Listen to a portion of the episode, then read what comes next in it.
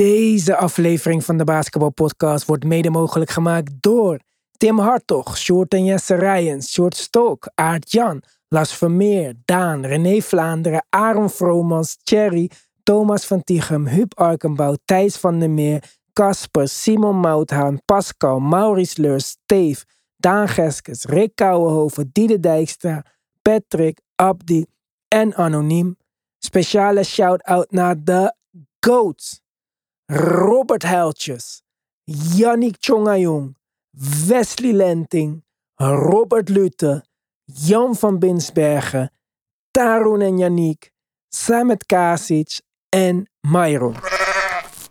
Wij zijn er op YouTube, wij zijn er op Apple Podcasts, we zijn er op Spotify, wij zijn overal. Maar als je echt op de hoogte wilt blijven van wat er in de NBA gebeurt, dan moet je op onze petje af zijn natuurlijk. Met een petje af abonnement krijg je toegang tot de groupchat en al onze extra podcasts. We hebben vier pakketten, Rookie, Starter, All-Star en Go, dus je kan kiezen wat het beste bij jou past. Om een abonnement te nemen op ons Petje Af, ga je naar petjeaf.com slash de basketbalpodcast. Als je ons alleen wilt steunen, kun je ook een donatie maken, zoveel als je wilt. Daar help je ons ook ontzettend mee. Ga daarvoor ook naar onze Petje Af petjeaf.com slash de basketbalpodcast. Of je kunt de link vinden op de basketbalpodcast.nl door te kiezen op luister op Petje Af. Alle support wordt gewaardeerd. Let's go!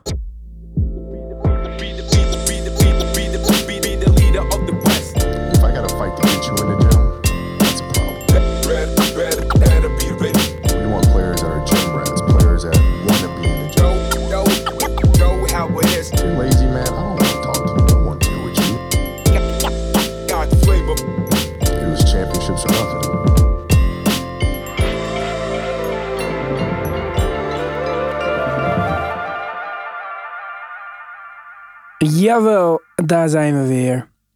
Ja, weer niet op YouTube deze week. Ik weet het ook allemaal niet. Het zit even allemaal niet mee. Technisch niet, financieel niet. Eh, ik kan erover gaan vertellen, maar het is veel te saai. We gaan het hebben over basketbal. 20% van het seizoen zit erop.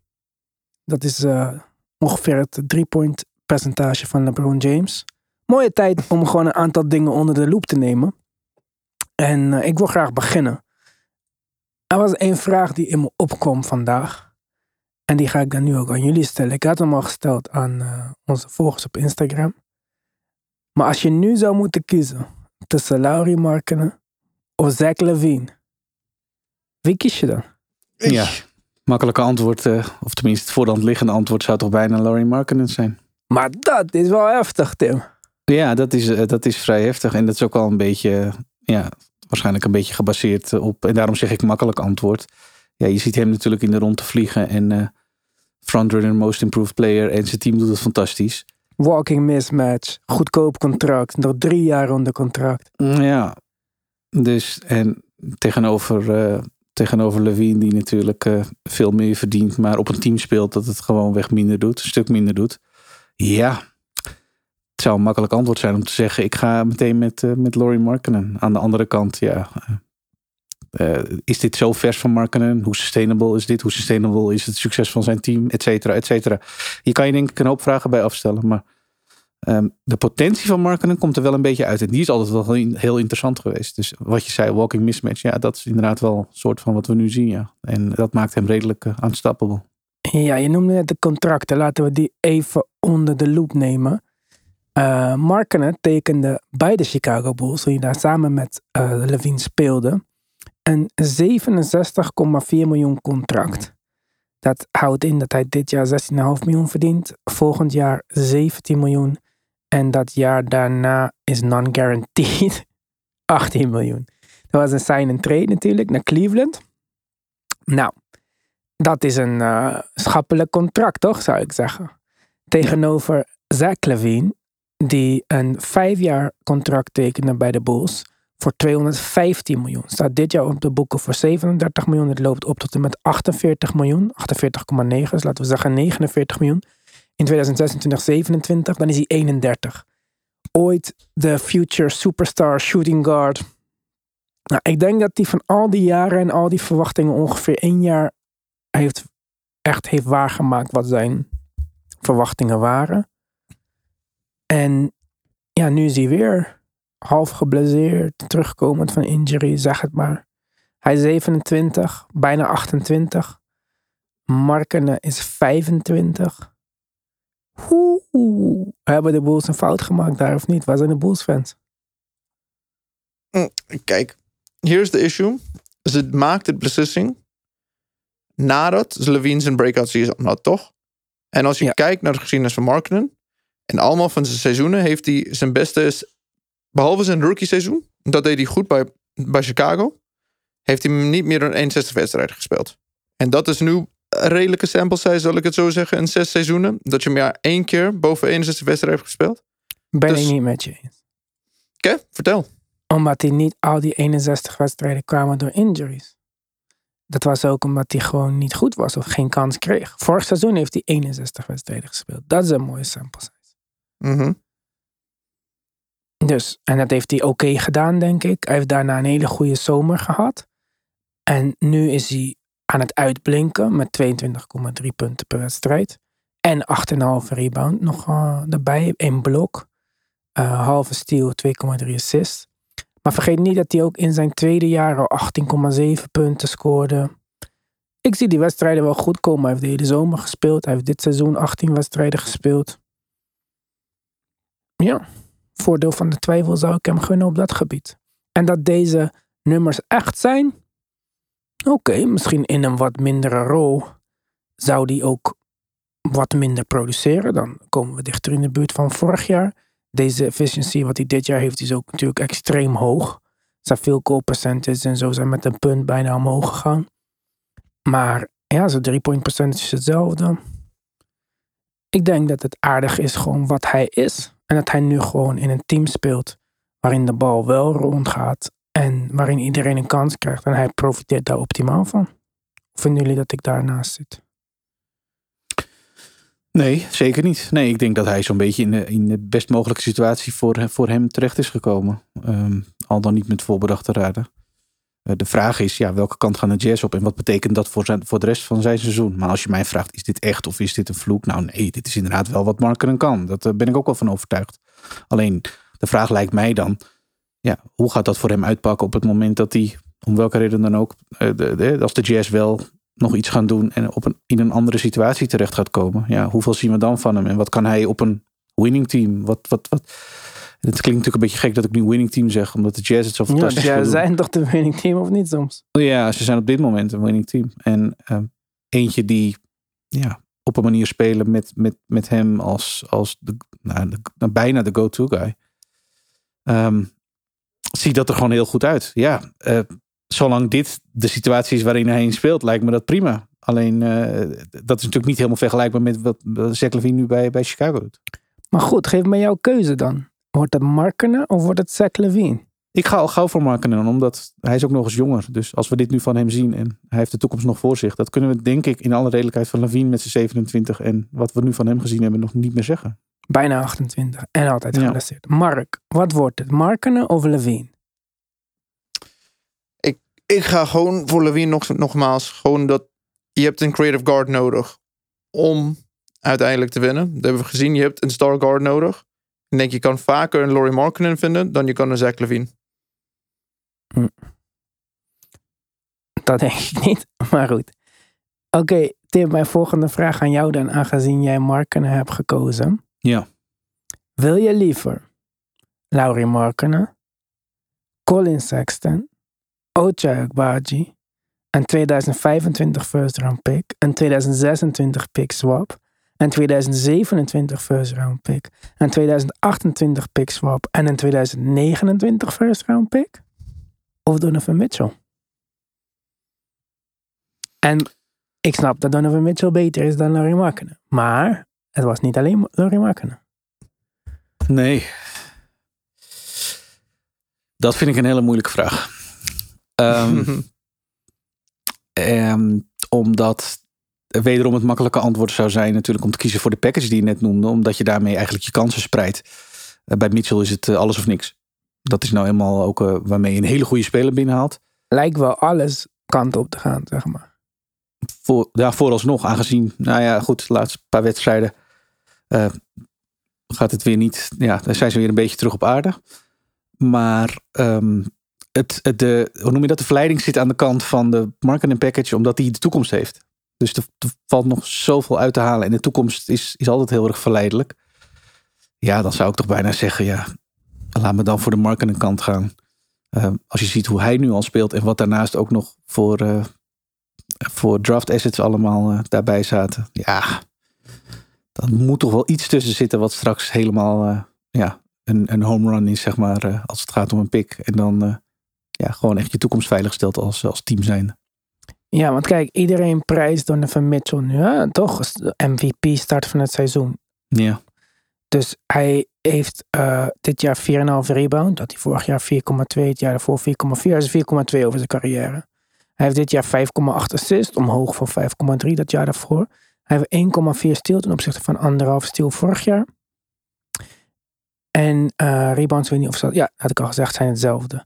Maar zijn punten zijn natuurlijk veel vooruit gegaan. Van 26 vorig jaar naar 31,2 dit jaar. Ja. Hoeveel minuten denken jullie dat hij speelt dit jaar? Per wedstrijd? Vrijwel Hij gelijk, is een toch? van de top. Hij is, nou, hij is in de top drie, dat weet ik. Hij is na Tatum.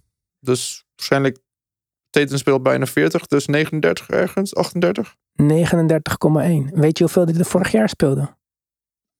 Hm. 33,8. Ja, Is deze... Hij is helemaal niet beter. maar, maar teken, Hij is teken omdat Darius Garland de eerste paar wedstrijden niet speelde. Ja, nee, maar dat, dat zou allemaal goed eh, mogelijk zijn. Maar iedereen zegt hij heeft een stap vooruit gemaakt. Want zijn scoring is vooruit. En dus ik dacht, maar oké, scoring is zeker vooruit. Vijf punten is niet niks. Dat is een hele grote stap op een, eh, of- of op een seizoen. Maar als je kijkt naar zijn per 36, is alles behalve scoring naar beneden. En twee jaar geleden had hij 28,5 per 36. En nu 28,7. Maar zijn rebounding, assist, steal, is allemaal naar beneden ten opzichte van vorig, vorig jaar. Maar zijn percentages zijn omhoog. Field goal, drie punt percentage, free throw, eh, free throw eh, percentage, free throw attempts. Ja, free throw percentage is iets omhoog. Van 85 naar 88. Maar dat kan nog naar beneden gaan in de loop van het seizoen. Two-point percentage is ook iets omhoog. En ehm, zijn three-point is zeg, ze- zeker omhoog. Dat is van 35, 38,6 in zijn hoogste jaar nu naar 41. Dus Ja. dat is zeker omhoog. Dus het kan wel zijn dat hij makkelijkere kansen krijgt om te scoren. Maar ik denk dat we even goed in de gaten moeten houden als Garland fit blijft. Hoe die verdeling gaat en of zijn nummers daadwerkelijk zoveel vooruit zijn gegaan. Als het lijkt dat ze vooruit zijn gegaan.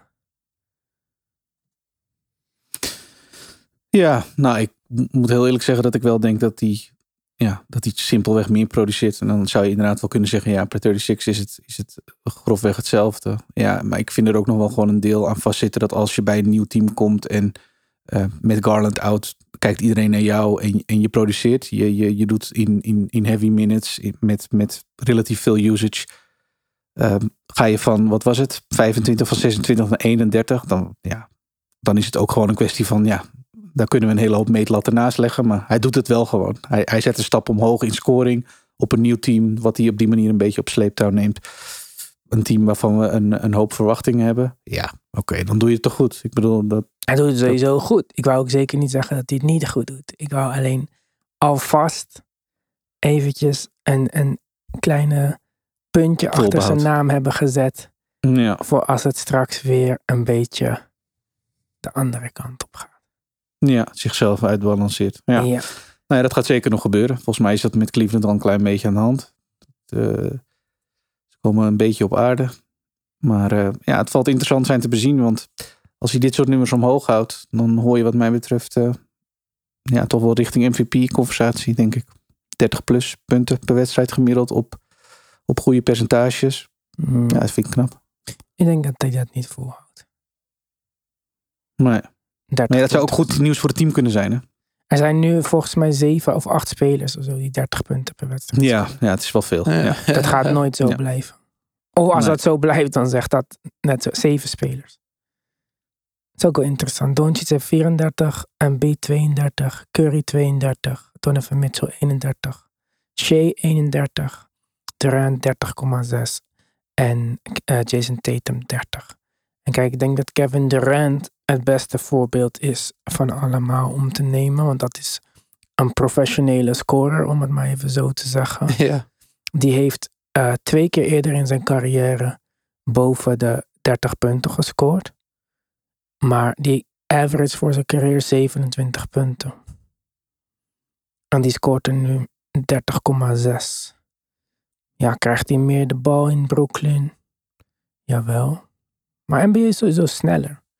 Ik weet niet. eh, ja.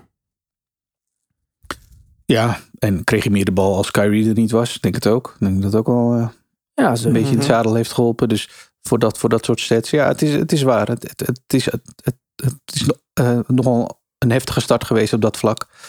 En de vraag is inderdaad hoe lang je dat omhoog gaat. Voor een aantal van die jongens kunnen we dat ons denk ik prima voorstellen. Simpelweg door de situatie. Heel, heel simpel. Maar ja, wat je, wat je ook stelt is wel interessant om te zien eh, hoe dat voor een aantal. Kyrie komt nu weer, weer terug in Brooklyn. Wat betekent dat voor eh, hopelijk voor de productie van KD iets afvlakt. Want eh, ze hebben nu twee go-to opties in plaats van één, zou je zeggen. Ehm, maar ja, voor een jongen als Doncic, ik vind het heel interessant om te zien of Jason Tatum dat omhoog houdt. Ja, dat, dat denk ik op zich wel. Ehm, ik denk, ja, ik, ik denk zelfs misschien ook Kevin Durant. Ik denk dat Shea een kans maakt als hij niet wordt shut down door Presti. Ja. En Beat Mhm. zal weer iets naar beneden gaan op het moment dat Harden terugkomt. En voor Luca hoop ik dat het naar beneden kan, want dit Klopt. lijkt me niet echt sustainable. En je ziet het nu al. Vaak moest in het Ja. vierde kwart. Klopt. Maar Er goed, moet voor meer uit die ploeg komen. Ja. Maar dit onderwerp dus in ieder geval kunnen we afsluiten. En misschien wel door te zeggen, ja, los van dat we niet weten hoe die first round picks gaan uitpakken. Maar voor ons nu lijkt het er niet op dat de Cleveland picks erg hoog gaan zijn in 25 en 27 en 26. Ja. Dus als je dan gewoon bekijkt puur Colin, Colin, Colin wou ik zeggen, Colin Sexton, Laurie Markkinen tegenover Donovan Mitchell, denk ik dat beide teams er niet slecht aan hebben gedaan, toch? Het was duidelijk klaar met Mitchell bij de Jazz.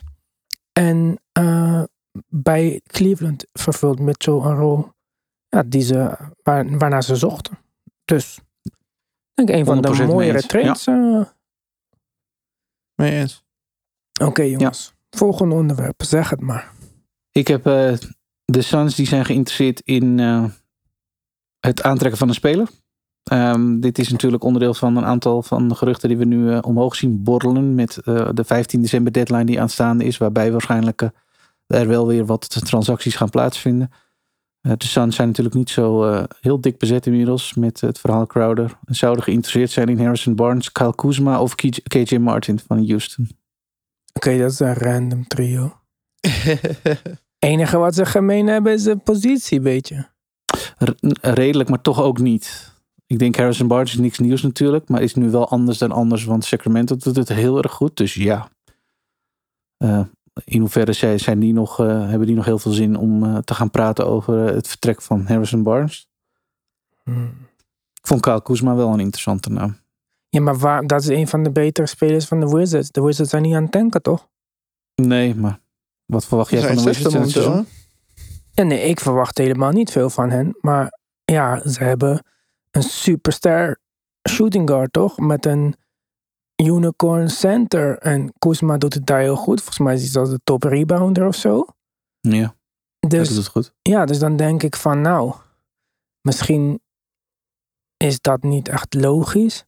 Wat betreft KJ Martin, ik denk dat jij blij was dat die rumors opdoken en dat Ja. we hem bij een contender gaan zien.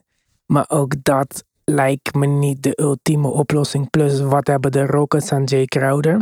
Trouwens, wat hebben de Wizards aan Jay Crowder? Maar Harrison Barnes, zeg jij van ja, waarom zouden ze die treden? Nou, misschien omdat zijn field goal attempts met drie naar beneden gegaan zijn sinds hij bij de Kings speelt per wedstrijd. En dat zijn punten dit jaar gedipt zijn van 16 van twee jaar op rij naar 11. Misschien dat we hem wat minder nodig hebben in Sacramento. Nu dat we daar andere spelers hebben, waaronder bijvoorbeeld Keegan Murray of uh, wie hebben ze nog meer op die posities? Ja, Domantas Sabonis speelt natuurlijk een soort van vier ook af en toe. Ja. En Keegan Murray, wat ik net zei, kijk, dat is hun rookie. En dat is een wat oudere rookie. En die is eigenlijk, ja, heeft hij niet dezelfde beeld een beetje als Harrison Barnes. Ja, dat zou je iedere liter wel, eh, wel verwachten. Aan de andere kant zijn ze, zijn ze altijd erg over hem te spreken geweest natuurlijk. En denk ik, en dat is natuurlijk een beetje de vraag nu. eh, zijn ze simpelweg, kunnen ze simpelweg de mening eh, toegedaan zijn dat ze zeggen... ja, we houden die ploeg nu zoveel mogelijk bij elkaar, want het loopt, het werkt. En ja, dat is in Sacramento natuurlijk nou, een soort van, soort van zeldzaamheid. De langste Dus- niet-playoff halende, het langste niet-playoff halende team in American Pro Sports. Ja, ja, dus er is denk ik, als er een team veel aan gelegen is op überhaupt ja, richting de postseason te gaan, dan, dan zijn het de Kings wel anders dan denk ik eh, dan veel andere teams. En ja, je kan veel van ze zeggen, maar ze, ja, het, het draait momenteel toch, toch aardig. En dan zou ik me kunnen voorstellen als je als Sacramento zegt, nou laten we dat alsjeblieft bij elkaar houden nu, want het is niet alsof we dit elk seizoen zo voor elkaar hebben. Dus het is toch maar weer afwachten wat je er dan voor terugkrijgt en hoe dat de dynamiek en, en, en nou ja, eh, het groepsproces beïnvloedt. En van Barnes hoor je eigenlijk altijd alleen maar positieve verhalen van teamgenoten en coaches. En de- iedereen loopt weg met hem. Dus ja, ik, ik weet niet hoe makkelijk dat zou, eh, zou worden voor ze. Barnes zou wel echt een goede, ehm, een goede zijn, vind ik, Zeker. voor eh, Phoenix. Ja. Want die nieuwe opportunities die Mikael Bridges krijgt om wat te playmaken hier en daar. Ja, dat vind ik nou weer niet echt een, eh, een heel groot succes of zo. Nee.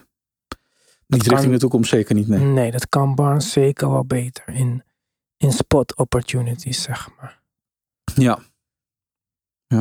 Mm, Dus ik ben wel benieuwd dan naar eh, wie dat uiteindelijk gaat worden. Ja, ik vind het ook gewoon jammer dat Jay Crowder het niet gewoon wordt. Want ja, die was toch eigenlijk gewoon heel goed daar. Ja, nee, zeker. Eh, als we op deze topic een beetje wil blijven. De vraag is, de Hawks doen het goed, toch? Vindt iedereen? Iedereen mee eens? Mm, Niet echt. Ja. Hoe bedoel je niet mee eens? Zijn derde in de Oost. Ja, ze zijn derde in het oost. Maar ze hebben ook heel veel wedstrijden gespeeld. Waarin, eh hoe heet die jongen? Trey. John Collins? Ice Trey. Niet speelde. Oh. En dat ze dan weer beter leken. Net zoals de afgelopen twee seizoenen. Als ze met hem speelden, zijn ze defensively gewoon zwakker. Dus dat vind ik altijd tricky dingen. Kunnen ze wel derde staan in het oosten. Maar ja, dat is na, wat is het, 15 wedstrijden of zo. Ik zou zeggen dat ze het niet super slecht doen. Ik- Maar niet dat ze, ik zou het zeker niet willen zeggen dat zij goed zijn, zeg maar. Oké, nee, dat, dat is prima. Maar dan ik vraag je, waarom zijn er geruchten dat ze John Collins weer willen treden in plaats van Trae Young? Trae Young, of waarom is, John Collins toch? de reden dat ze niet goed doen? Ja, maar Trae Young is de ster. John Collins, ja, ik was al lang niet in dat team. John Collins denkt zelf dat hij een soort van Anthony Davis wil- moet zijn of zo. Terwijl, ja, die rol krijgt hij niet. En ja, die trade rumors zijn er al zo lang. Dat doet ook wat, denk ik, met je zelfvertrouwen een beetje. Ik denk dat met de eh, move om Kevin Hurter weg te doen...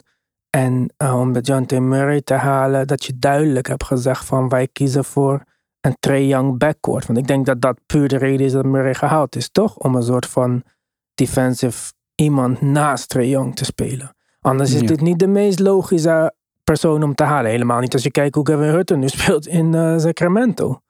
Dus ik denk dat ze duidelijk hebben gekozen voor een Trae Young toekomst. Wat misschien ook logisch is. Ik ben absoluut natuurlijk niet zijn grootste fan.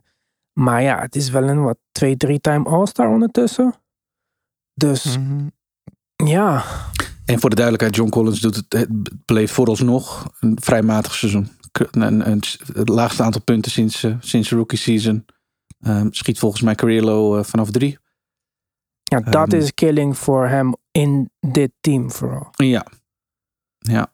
Ja. En eh, neemt überhaupt eh, relatief weinig schoten. Ook de laagste sinds, eh, sinds zijn rookiejaar. Dus ehm, ja, het is voor hem ook niet... Ja, misschien wel de bevestiging geweest van... Ja, dit is, dit is niet de plek voor mij. Niet de plek die ik zie. Want volgens mij vindt John Collins het inderdaad fijner. Je noemde net AD. Ik denk dat het een goede vergelijking is. Een soort ja, nummer 1, nummer, nummer 1B op een team als forward. en in combinatie met een Trey zou dat nog kunnen werken. Maar het is duidelijk dat, dat de Hawks kiezen voor een ander soort concept van het team. Ja, dan Ja. lijkt Collins mij de, de aangewezen persoon om, eh, om te vertrekken.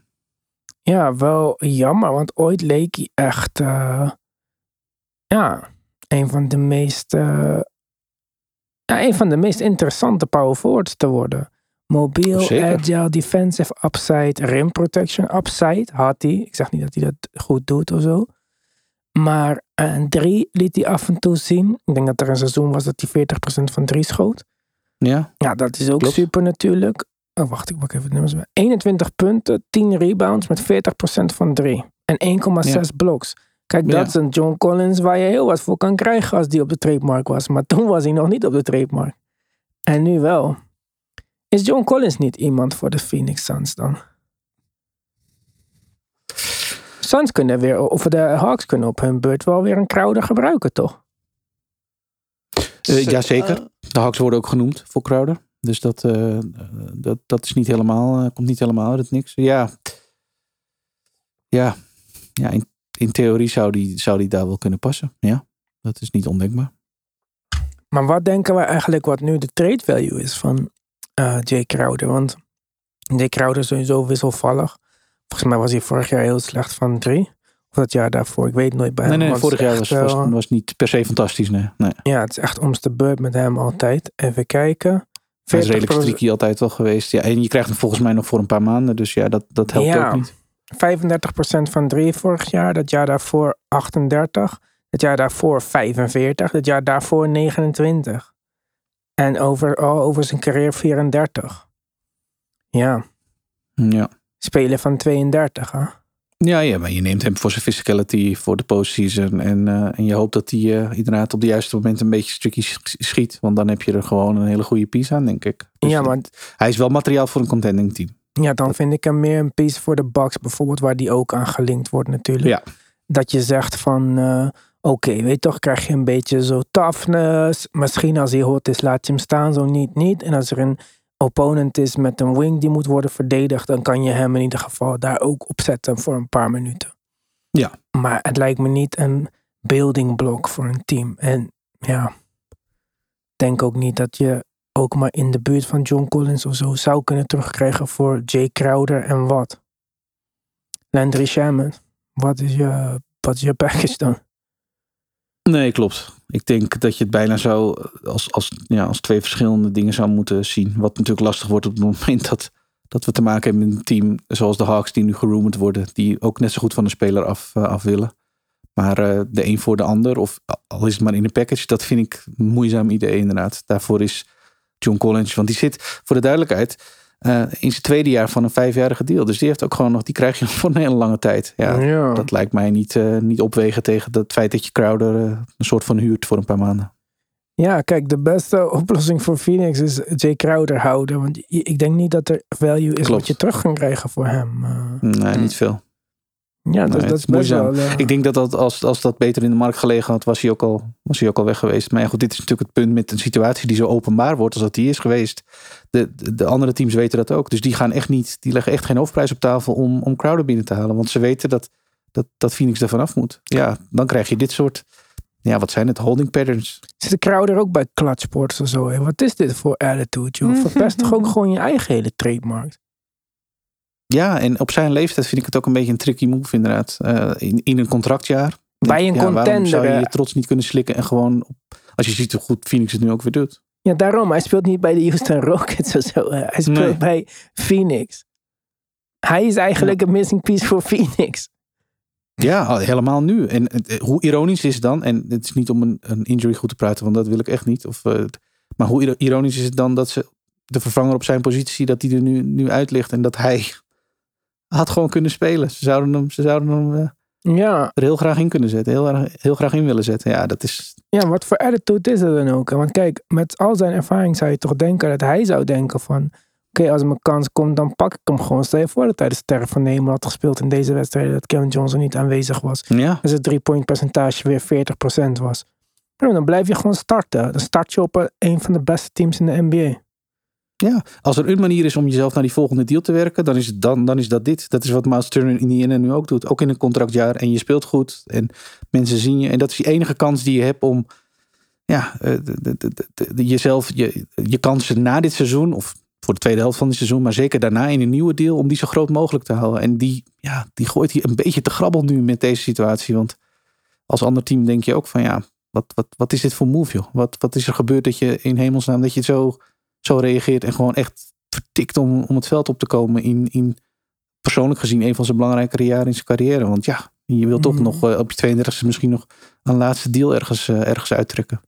Weet je wat wel grappig is? Ik zit even naar Phoenix een pick situatie te kijken. Maar ik denk dat dit het enige NBA-team is. Die van 2023 tot 2029 nog al zijn eigen picks heeft. En ook geen Ja. eentje van een ander team of zo. Het is echt gewoon Ja. hun picks en that's it. Maar ja, ze hebben ze wel allemaal. Dus ik weet niet of iemand zit te wachten op Phoenix picks. Ik denk dat Atlanta wel echt een hoop pieces heeft die ze kunnen moven. Het is natuurlijk niet alleen John Collins. Maar het is ook eh, Bogdan Bogdanovic ook al... eh, wat is hij? Is hij geblesseerd of speelt hij gewoon niet? Weet Nee, ik voor zover ik weet nog, eh, is hij nog op de weg terug van zijn blessure. Ja, Ja. dus eh, je hebt wel pieces daar waar, die je misschien kan gebruiken in een trade. Ja, ik Zeker. weet niet. Interessant. Denk ik ook. Ja, maar geldt voor de Bucks ook. Die hebben pieces bedoel je? Of die hebben wat? Die hebben, die, die, ja, ze hebben wel pieces. Het is, Ja, niet, het is natuurlijk een top-heavy maar- team, dus dat is altijd wat lastig. Maar ja, ze hebben wel een aantal jongens. Ja, Goed. Ja, maar Grace en Allen, hoe. wil je die bij... eh, ja exact. De Grayson Allen is de voornaamste naam, want die werd sowieso al genoemd. Ja, wil je die? Ja, klopt. Ik denk dat de positie van Collins wat dat betreft een stuk interessanter is voor Phoenix. En ik vind ook raar, dat, waarom Grace en Allen? Grace en Allen verdient niet zoveel. Pat Connaughton is nog... Mhm. Zag je Pat Connaughton goed deze keer? Niet te... Ja, Pat Connaughton is goed. Hey, Ja. eindelijk een keertje heb ik de goede. Maar die is nog geblesseerd, toch? Ja, Hoezo ga ja, je... En Middleton is ook geblesseerd. Hoezo ga je nu Grace en Allen zo nodig van de hand doen? Ja, ik niet helemaal. Ja, ik denk dat, ja, ik, ik weet het eigenlijk ook niet zo goed. Misschien eens zullen ze erop gokken dat hij. eh, hij schoot beter dan ik dacht toen ik zijn stats opzocht. Oh, hij is eigenlijk niet zo'n hele, hele verkeerde schutter. En eh, Ja. ja. misschien dat ze toch wel gokken op wat Connington kan bijdragen. En zijn ze op zoek naar een, naar een mogelijke upgrade op zijn positie. Ik, ik, ik weet het niet, ik vind het een beetje moeilijk in te schatten. Ik had niet het idee dat hij het daar heel slecht doet. Of, en wat je zegt, hij zit op een prima contract. Dat is ook niet zo bijzonder. Dus ja, Ja, die jongen schiet 42% van 3 op 4,4 attempts per wedstrijd. ja, en hij kan verdedigen. Dus Ja, weet carrière niet. 40% 3 punt shooter. Niet zo Ja. slecht, toch? Nee, nee, nee, dat vind ik ook niet. En, en hij is ook niet een jongen die heel veel schoten wil of die zich heel erg wil profileren ergens. Hij, hij kan zich prima schikken in zo'n rol. Dat hebben we inmiddels wel gezien van hem. Dus ja, dat lijkt me toch prima om erbij te hebben voor een team dat speelt voor. eh, En waar twee wings geblesseerd zijn. ja, ook dat nog. Ja. Ja. wil je niet die insurance gewoon hebben? Hoezo moet Ja. het per se niet? Ik snap dat niet. Nee, het is een beetje moeilijk gokken of ze, of ze nu ja, hem willen gebruiken om ergens anders eh, iets, iets binnen te houden op een andere positie. Of dat ze inderdaad. Ja, ik, ik, ik vind het ook moeilijk te gokken. Want Treed maar het Ibaka eh, dan. Die eh, hebben helemaal niks aan, joh. Ja. Maar goed. Nou jongens, dit was weer de normale uitzending. We gaan even verder praten op Petje Af. We zijn er van de week weer natuurlijk hier. We zijn er op Petje Af met een Connect, met Tim Talk. Met nog van alles en nog wat. Dus je weet waar je moet zijn als je op de hoogte wilt blijven van alles wat er gebeurt in de NBA. Eh, voor nu zeg ik dankjewel voor het luisteren. En tot de volgende keer.